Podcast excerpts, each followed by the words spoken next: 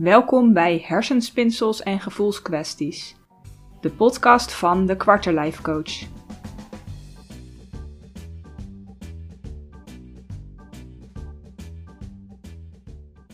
Ik heb weer een hele leuke vraag eh, binnengekregen vandaag. De vraag die ik vandaag ga behandelen is: hoe doe ik gewoon iets? Nou, je kent het vast wel.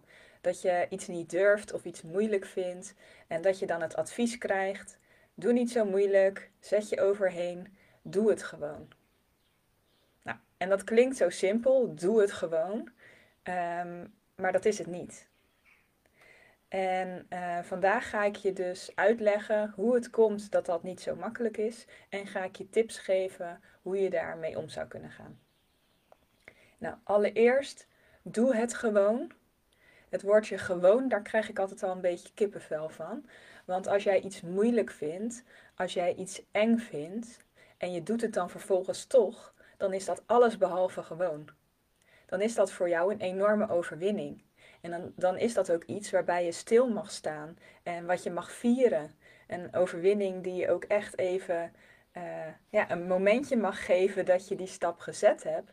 Uh, en als je dat op die manier doet, dan ga je ook zelfvertrouwen opbouwen. Maar als jij ervan uitgaat dat het uh, gewoon is, en dat je dus eigenlijk het feit dat je het nu pas durft of nu pas hebt gedaan, dat dat eigenlijk um, ja, een soort van manier van falen is. Van joh, iedereen die doet dat gewoon en ik vind dat moeilijk en hè, nou, ik heb het eindelijk gedaan. Op die manier haal je er niks uit, zeg maar. Bouw je niet aan je zelfvertrouwen. Dus alleen als jij in gaat zien dat het niet gewoon is, als jij zo'n overwinning behaalt en ook echt even een momentje pakt om dat te vieren, kan je zorgen dat je daarmee ook aan je zelfvertrouwen bouwt. Dus dat is de allereerste opmerking die ik wil geven. Als jij iets moeilijk vindt of als jij iets spannend vindt en je doet het vervolgens toch, dan is dat dus niet gewoon, dan is dat een overwinning. Maar goed, uh, weer eventjes terug naar de vraag. Um, hoe komt het nou dat het zo moeilijk is om, als jij iets spannend vindt of als je iets eng vindt, om het dan toch jezelf daar overheen te zetten en het gewoon te doen? Nou, het belangrijkste reden die daarvoor uh, is, is dat er natuurlijk heel veel angst speelt. En angst is er niet, voor niks. Angst um, is een mechanisme wat jou probeert te beschermen tegen, nou ja, erge dingen die er kunnen gebeuren. En als jij denkt dat er iets ergs kan gebeuren als jij iets doet, ja, dan is het heel moeilijk om daar overheen te stappen. Want als je het dan toch gaat doen, ja, jouw lichaam schreeuwt: nee, doe het niet, want, dit is gevaarlijk. Ja, iedereen heeft vast wel eens gehoord van de comfortzone. En het feit dat iedereen dan ook zegt van daar moet je uit. Want het gebeurt buiten je comfortzone. Alle magie gebeurt buiten je comfortzone. Nou, daar ben ik het ook niet mee eens. Um, ik wil je even iets beter uitleggen hoe het werkt met de comfortzone. De comfortzone is een plek die je ook echt nodig hebt. Dat is een veilige plek voor jou. Dat is een plek waar jij uh, alles wat er uh, gebeurt kan verwerken, waar je het een plekje kan geven, waar je jezelf kan zijn en waar je uh, veiligheid en ontspanning vindt. Nou, buiten je comfortzone, dan ga je dus inderdaad je grenzen opzoeken, dan ga je leren, dan ga je ontwikkelen. Dus in die zin klopt het wel dat ze zeggen je moet je comfortzone uit.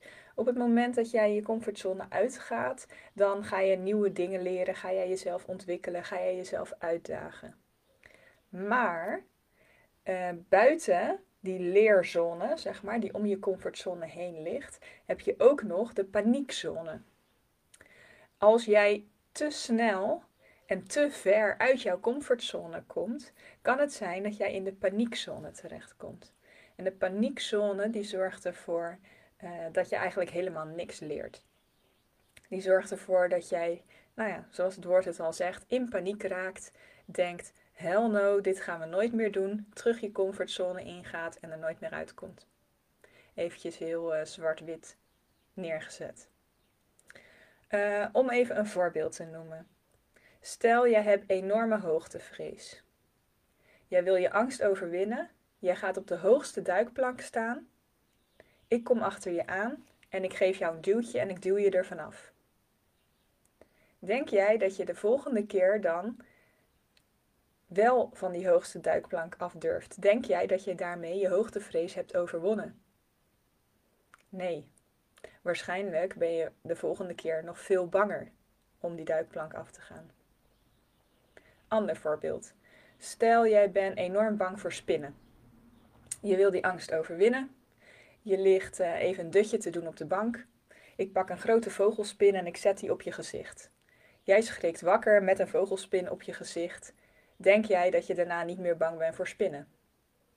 Nee. Daarna ben je waarschijnlijk nog veel banger voor spinnen.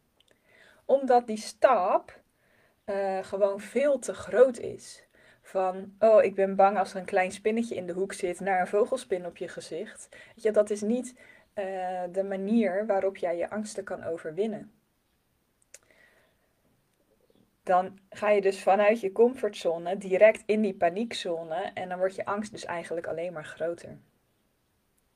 Wat dus heel erg belangrijk is in dit hele verhaal, is dat jij um, veilig in je comfortzone zit, af en toe kleine stapjes maakt buiten je comfortzone, in dus de leerzone, uh, door, ja, waardoor je jezelf kan ontwikkelen. Maar dat je oppast dat je niet te ver en niet te snel uit die comfortzone komt, waardoor je dus het risico loopt om in de paniekzone terecht te komen. Wat heel erg belangrijk is in dit hele verhaal, is dus dat je kleine stapjes zet.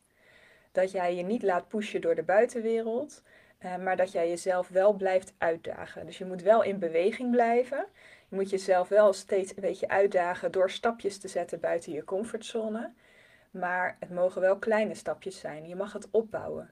Je hoeft niet in één keer als je iets heel moeilijk of iets heel eng vindt. Uh, hup, stel je niet zo aan, doe het gewoon. Nee, bedenk dan voor jezelf van joh, hoe kan ik voor mezelf kleine stapjes uh, bedenken? Hoe kan ik het in kleine stapjes hakken? waardoor ik stap voor stap daar naartoe kan groeien. En op die manier, als jij denkt van joh, um,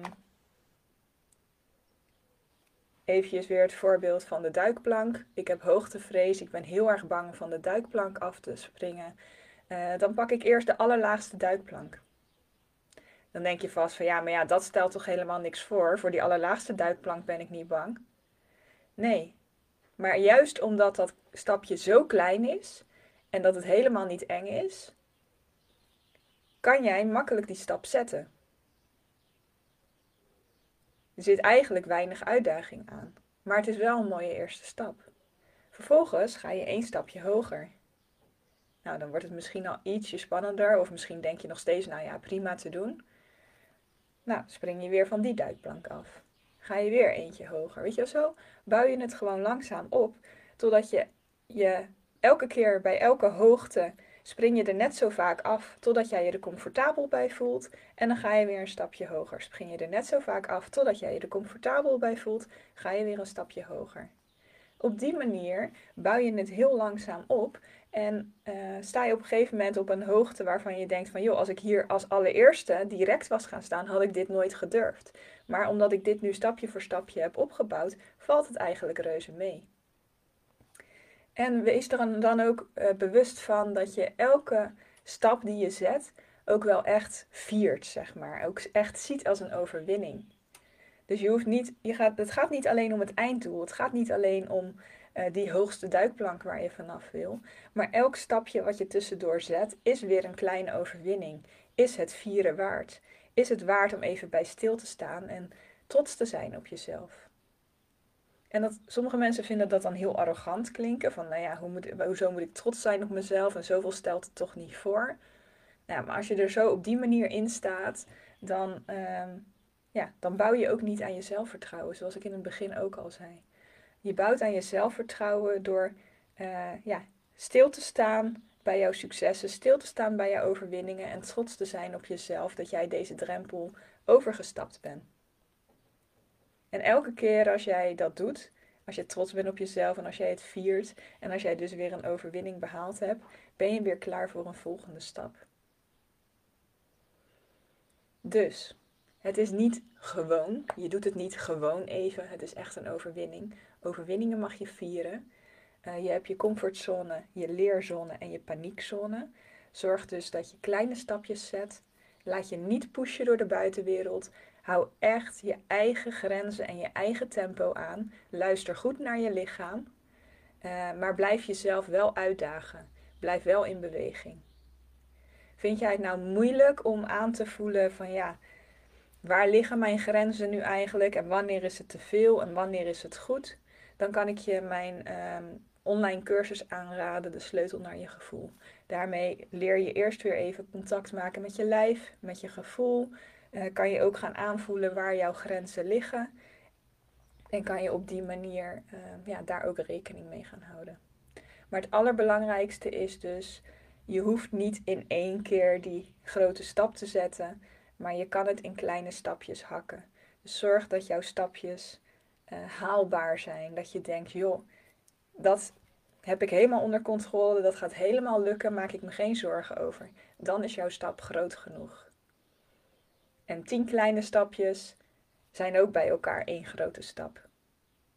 Maar dan lukt het wel veel makkelijker, veel meer ontspannen, heb je veel minder stress.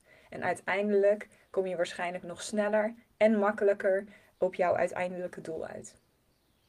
Nou, dit was hem voor vandaag. Dit waren mijn uh, tips over de vraag hoe doe ik gewoon iets. Uh, ik hoop dat je er wat aan hebt. Ik hoop dat je ermee aan de slag kan. De linkjes naar de cursus De Sleutel naar je gevoel en naar mijn website vind je in de uh, omschrijving.